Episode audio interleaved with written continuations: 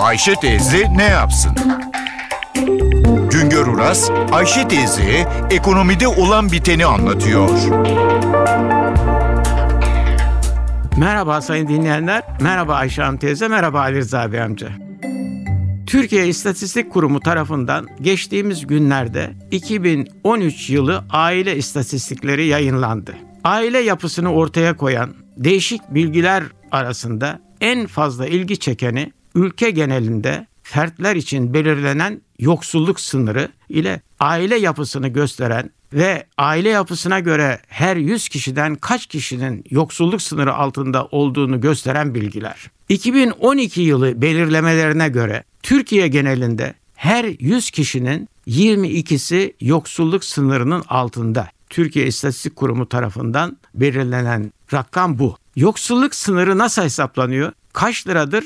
Onu anlatayım. Türkiye genelinde her haneye bir yıl içinde giren toplam net gelir belirleniyor. Sonra da hanede yaşayanların özelliğine ve sayısına göre bu net hane geliri hane halkına paylaştırılıyor. Hanelerde yaşayanların yaşları farklı. Haneye giren gelir hanede yaşayan küçük büyük ayrımı yapılmadan kişi başına bölünür ise yanlış olur. Onun için hane halkının yaş durumuna göre farklı katsayılarla gelir paylaştırılıyor.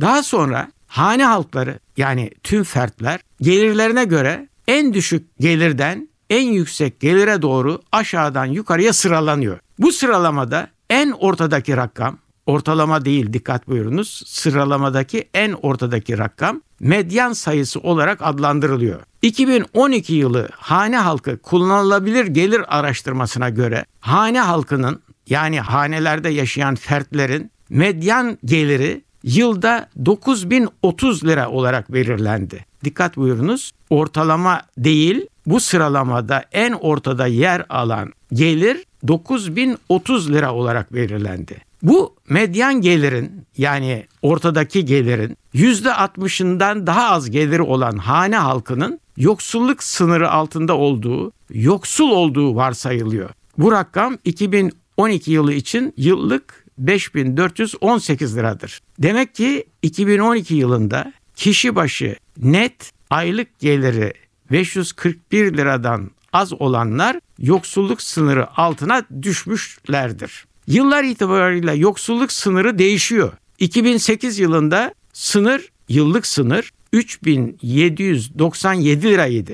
Cari fiyatla 2012 yılında 5418 lira olarak belirlendi. 2012 yılı gelir ve yaşam koşulları araştırması sonuçlarına göre nüfusumuzun %22'si yoksulluk sınırının altında. Ailelerin yapısına göre yoksulluk sınırında olanların oranı da değişiyor. Örneğin tek kişilik ailelerde tek başına yaşayanlar da yoksulluk sınırı altında olanlar her 100 kişinin sadece 13'ü. Ama tek kişi olarak yaşayan ve 65 yaşın üstünde olan hane halkı için 100 kişinin 20'si yoksulluk riski altında.